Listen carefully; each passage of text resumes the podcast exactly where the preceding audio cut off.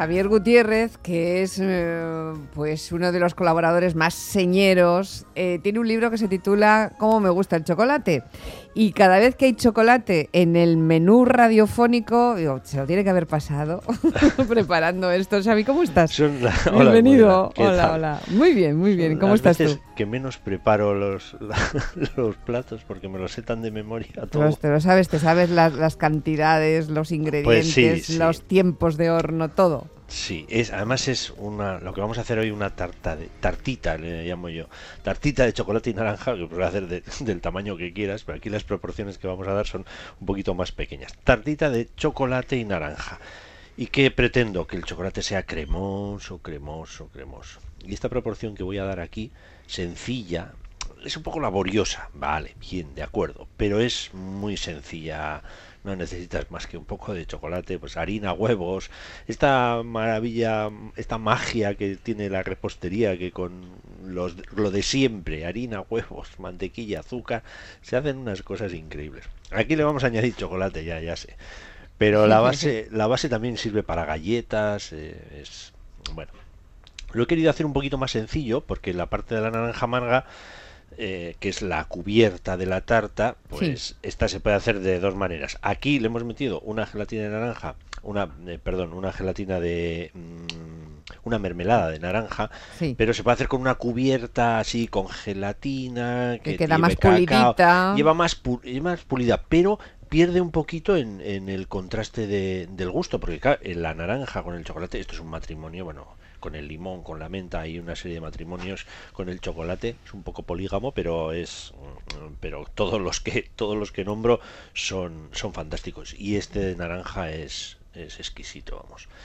Pero bueno, podemos, en vez de, esto ya hace como un par de años ya explicamos cómo hacíamos una naranja amarga, una mermelada de naranja amarga que era fantástica. Además no la hago yo, la hace Lola, la hace mi moza. y y entonces lo que he hecho ha sido, si no se puede comprar, porque bueno, para hacerlo un poquito, un poquito más sencillo.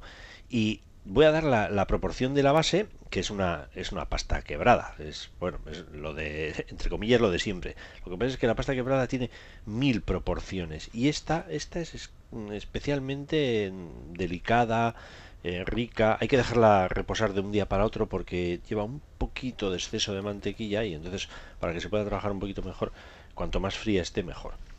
Y, son 75 de mantequilla en pomada. En pomada. Con 25 de almendra y 50 de azúcar glass. con una pizca de sal. Esto, en la mantequilla en pomada, hacer una pasta que se quedará así como muy cremosa. Añadirle un huevo, que va a ser eh, la que va a dar la, estructura de, la, de la pasta, y mezclarlo bien lógicamente va a quedar esa mezcla muy líquida y lo que hacemos es añadirle 135 gramos de harina y amalgamamos toda la, toda la pasta, la metemos en un, en un papel film y al frío. Y esto eh, de un día para otro, pues mm, lógicamente queda más manejable. Luego sencillamente lo que hacemos es eh, poner un poquito de, harina en la mesa. Si la mesa está fría, mejor todavía. Estas mesas de mármol que le pones así una placa de hielo antes y depende en qué condiciones, ahora que estamos en verano, pues mm, va un poquito mejor. En invierno no es necesario, pero ahora no viene nada mal ponerle una hora antes una placa de, de los, de los hielos que tengamos ahí o los típicos guisantes que, sirven para contracturas. Para todo, para todo. La bolsa de guisantes que sirve para los golpes, las contracturas, en fin, sí, sí. Entonces ahí nada, estiras, estiras y, y la depositas sobre una, no, grosores no muy, no muy fuertes, ¿eh? o sea, como de media centímetro así. La pones sobre una molde de fondo desmontable, este típico de las, de las tartas, lo rodeamos con un poquito de albal y le ponemos un poquito de peso, que bien pueden ser las alubias que tenemos o los garbanzos preparados para el efecto. Por favor, solamente utilizar estos, porque uh, me acuerdo una vez que me contaba un amigo una anécdota que había empezado a cocinar las, las alubias que llevaban como siete u ocho horneados en el horno. Dice que eh. aquello salió horrible. Pues claro, es que no se pueden usar. No, no, porque las estás, las estás tostando, las estás, secando, le quitas todo. no, bueno, eso luego no hay quien lo vuelva eh, cristiano, dice mi madre. Eso no se vuelve cristiano. Hay que dejar como medio kilo de eso, de las alubias eh, o de los garbanzos así ya apartados y dice, estos son los que utilizamos para hacer las bases de las tartas y ya está. Aquí nada, horno alrededor de unos 170 por ahí, ¿eh? un poquito más o menos, ¿eh? unos 100, sí, 160 o así, 160, unos 40 minutos. Luego le quitas el, le quitas el albal, lo puedes pintar de chocolate, Puedes pintar de chocolate para que aísle bastante, pero no es necesario. Yo lo, he pintado un poquito con el interior, con un poquito de huevo o de yema. Lo veo, lo veo, porque todo esto se puede ver el paso a paso, ¿eh? Xavier, gutierrezcocinero.com, este ahí está. Sí, este lleva más, eh, claro, es repostería, es más laborioso. Laborioso. Entonces, nada, le, das un poquito de, en este caso, yema, lo metes en el horno otros 5 minutillos más y ya se queda más estable la, base. Porque luego lo que vamos a hacer por encima es muy sencillo. Una vez que se haya enfriado el, em, la base, la base esta de la pasta quebrada, vamos a hacer una mezcla, fijaros que sencilla, de 180 gramos de chocolate con 150 gramos de nata, 15 de miel, 20 de ginebra y 30 gramos de mantequilla. Y es tan sencillo como la nata, la miel y la, y la nata y la miel, perdón, hervirla, ¿Sí? Eh, ir añadiendo poco a poco al chocolate y una vez que hayamos, mm, que hayamos disuelto todo el chocolate, añadirle la ginebra y la mantequilla. Todo esto en caliente. Y nos queda una masa de trufa, porque no es otra cosa más que una masa de trufa. Esto podrías bolear y hacer trufitas sobre cacao en polvo, ideal. Bien. Y depositarlo encima de la tarta. Al, frigorífico por lo menos mm, tres horas.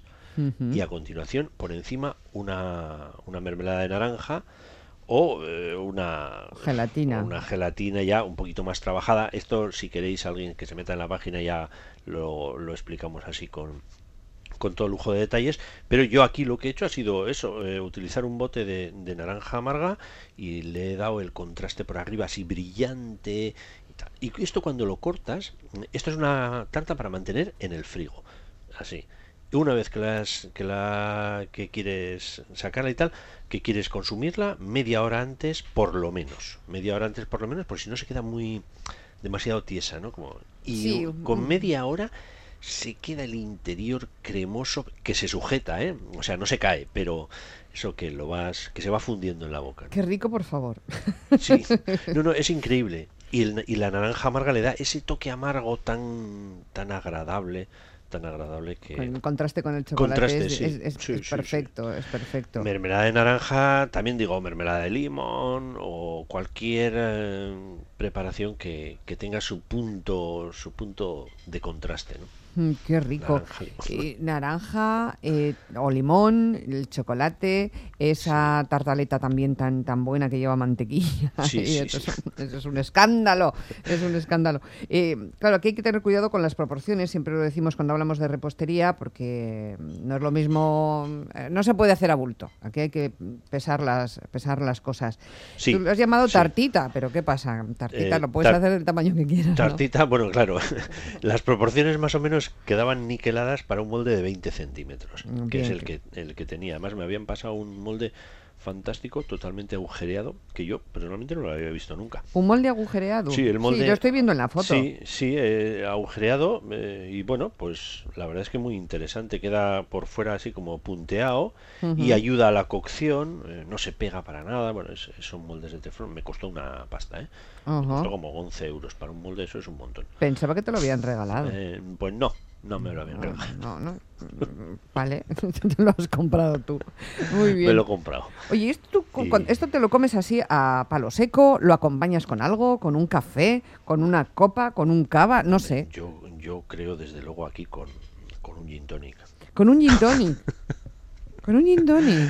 Puedes, puedes acompañarlo con lo que quieras. Eh, lo que has dicho tú de un champán o un cava eh, va fenómeno. Yo creo que será probablemente el más. Algo que sea burbujeante. Porque es. Eh, yo creo que es el, un contraste también muy, muy, muy agradable. Aquí, cuando he hecho la proporción, he hecho de sobre 180 gramos de, de chocolate, los 150 de nata, los 15 de miel y los 20 de ginebra. el chocolate con leche, en vez de chocolate con leche, podemos utilizar un chocolate más negro que no tenga leche y nos va a subir un poquito la, la, proporción de, de, amargor del propio chocolate. En vez de 180 podemos mantener la misma proporción, pero mm, el resultado va a ser un pelín más duro. ¿eh? Dependerá mucho también de, la proporción de manteca que tenga ese chocolate. Claro. Pero si mantienes estas, en vez de chocolate con leche, chocolate, también te va a salir, va a salir bien, pero va a salir un poquito más duro. No va a salir tan cremoso, tan... Claro, a mí sabes lo que me pasa con, con el chocolate con leche. Eh, yo soy de chocolate en negro, pero el chocolate con leche lo encuentro demasiado dulce. Eh, y, entonces a mí me estropea un poco el paladar. Lo que pasa que, claro, aquí se compensa con el con, con la mermelada de naranja, etcétera. Mm, sí, si tú dices que es con leche, yo no, no, esto lo, llevo a misa, ¿eh? ¿eh? No, yo lo he hecho con leche porque mm, sobre todo estaba buscando una textura, una textura mm, porque la, la base la base queda muy crujiente y entonces me interesaba que fuese muy cremoso, ¿no? Entonces he utilizado con leche. Se podría haber utilizado perfectamente chocolate con chocolate normal, simplemente que para conseguir esa textura de la que estoy hablando, habríamos tendríamos que, que bajarle la, la proporción. De 180 probablemente tendríamos que mirar 160 o así. Eso tendría que mirarlo.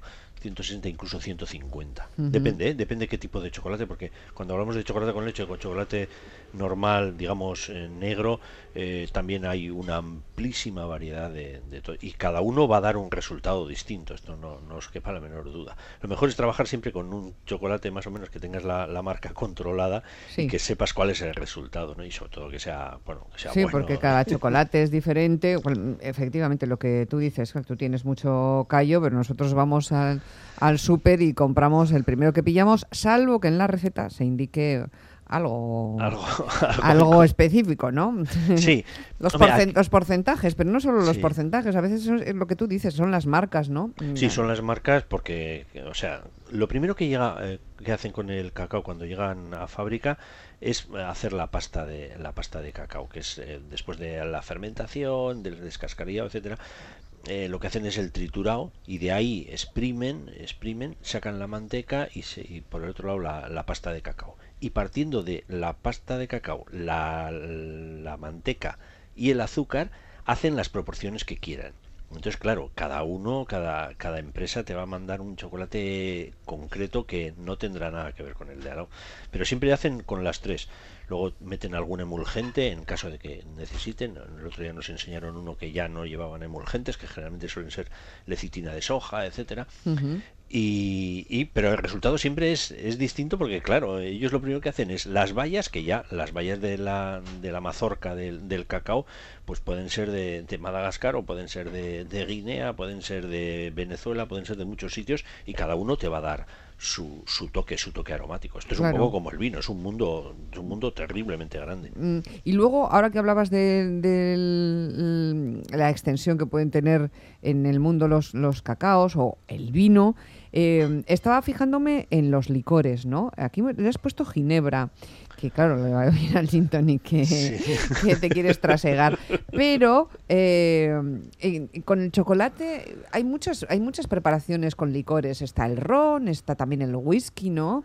El coñac, desde luego, algunas, algunos kirs de cerezas. Mm, es que en realidad el cacao o el chocolate, ¿eh? no es lo mismo, ya sabemos, pero eh, o sea, lo que, lo que genera el cacao eh, va bien con un montón de cosas. ¿Por qué? Porque el chocolate en, sí mismo es tan poderoso, tan poderoso que no, no, lo, no logras eh, taparlo, ¿no? Entonces tú puedes echarle eh, ginebra, o sea, la base del enebro, ¿no? Sí. te puedes echarle ron o puedes echarle whisky. Te va a dar un toque, pero no va a matar el chocolate. Muchas veces lo único que hace es reforzarlo. Fíjate tú el chocolate con la menta Sí. El chocolate con la menta, pues es otro de los matrimonios que hablábamos. Eh, pero no, no mata, o sea, la menta no mata el chocolate. Entonces el chocolate se admite en muchas, muchas preparaciones, ¿no? Eh, lo, que has dicho de licores o, cualquier hierba aromática. Nosotros la hemos probado hasta con perejil. Pues que es tan suave el perejil que como no des mucha caña, el chocolate se lo come con patatas, claro. o, el cilantro, ¿no? con el cilantro queda muy bien con la sal mismo, mira, con la sal. Sí, te iba, a te iba a pedir matrimonios imposibles, así a priori, pero que tú hayas experimentado con éxito, sin divorcio, sin divorcio tras el cocinado, ¿no? El, sí, el cocinero este, eh, el cocinero inglés este del, del Fat Duck, que ya me saldrá el nombre. Gordon Ram. Eh, no. No, ese no es. Eh, ya, ya me va a salir, ¿eh? Me va a salir. este mezclaba eh, caviar con chocolate blanco. Caviar. Yo, yo nunca he llegado a entenderlo, porque son dos, dos bofetones. Luego él, él en una entrevista, en una entrevista ya decía, eh, dice, bueno, esas son cosas que hice en, ju- en la juventud. Digo, porque a mí nunca me cuadró el, el caviar con, con chocolate blanco. ¿no? Tampoco lo llegué a probar, ¿eh? Tampoco lo llegué a probar, pero era una de las mezclas yo creo que más... Geston Blumenthal. Geston, gracias, gracias. Dale gracias al señor. Google. Que no, lo, que no me lo sabía yo. Eh, ¿Has entonces, comido bueno, allí, claro? No, no he No, no has llegado a comer y Fat fíjate que coincidimos con él cuando le dieron las tres estrellas. El eh, pato gordo. en- Sí, sí, sí, sí. cuando le dieron las tres estrellas estábamos en Madrid Fusión y tal. Bueno, es, es una persona muy, muy agradable, muy loca, loquísima. Y, y bueno, pues él era- había hecho esa proporción, ¿no? o sea, perdón, esa combinación. ¿no? El chocolate blanco, que es, que es otro, si nos pudiésemos hablar de chocolate blanco, sería, sería también para, para largo, ¿no? Porque hay quien dice que no es chocolate. Bueno, esto no es chocolate, no, bueno, lleva manteca de cacao. El chocolate es una combinación de azúcar o la pasta de cacao, que es la esencia. También la esencia es mante- la manteca de cacao, ojo, ¿eh? Entonces, decir que el chocolate blanco no es chocolate, bueno, pues, sí, sí, eh, en Ya, fin, que no hay, discusiones. no es igual que el sí. chocolate negro, claro. Que no es igual que el chocolate negro, pero por el hecho de no llevar la pasta de cacao, no sé, porque Pero viene del, viene de del cacao, mismo sí. sitio. O sea, es el mismo, fruto. o sea que, lo por lo tanto. la manteca ¿qué de ¿Era cacao, fruto o semilla? Que ya no me acuerdo. Pues es un fruto con un la fruto. forma de una piña, Sí. digamos, y Son muy bonitas las Sí, y luego están las habas de Lo único cacao. que pasa es que se oxidan a toda pastilla. Yo me acuerdo que me- un- al principio, principio, cuando estaba haciendo uno de los libros de chocolate que tengo, me traje una de México y llegó aquí, hijo, hecha una caca. Y digo, "Oye, pero este-". ya me enteré en aquel entonces, dijo, yo, esto no dura nada. No dura y nada. dentro tiene siempre semillas pares. El chocolate con 20 queso, dicen por 30, aquí. ¿El chocolate con queso? El chocolate con queso. Mm. Bueno, cuando, cuando mezclas dos grasas, eh, hay que esperar el resultado, porque así es sobre la teoría, eh, una cosa muy grasa como es el cacao, porque el, el cacao tiene el 54% del- de una semilla de cacao, es grasa. eh, si la mezclas con grasa, con Sí. chocolate blanco o con queso, pues bueno, yo lo dejo en el aire. Yo lo Vale. dejo en el aire porque a mí nunca me gusta decir, no, no, he hecho esto horroroso, horroroso. No, no, no. Bueno, eh, demuéstramelo, demuéstramelo que está bueno. Chocolate que eh, frío en un helado, un helado de chocolate con queso. Ay, pues no lo sé. ¿Y qué queso? ¿Un queso picante? ¿Un, un camembert? Mira, ¿Un Stilton? Claro. Eh, bocado de chocolate negro relleno de crema con un toque de cabrales y coñac probado en una pastelería de Llanes y te mueres de rico. Pero sigue vivo. Esta persona que nos escribe sigue viva. Bueno, Así el que- Cabrales es que ahí estás juntando a dos pesos pesados, o sea, a Mike, Ta- Mike Tyson contra otro igual de bruto que él. Joder, si estás mezclando Cabrales con, con chocolate, mamma mía. Y con iniciativa asturiana, que también Y tiene con lo iniciativa suyo. asturiana. Sí, sí, sí. Yo ahí lo mezclaría, ¿sabes con qué? Con un poco de sidra. Con esa acidez Mm, que tiene la sidra. Sí, sí, sí, sí. Eso. Me gusta, eso. me gusta Ahí- la idea. Ahí, ahí vamos ya hacia la manzana, eso ya es otra cosa. Xavi, te dejo. Muy bien. ¿Eh? Venga, un beso. yo, yo.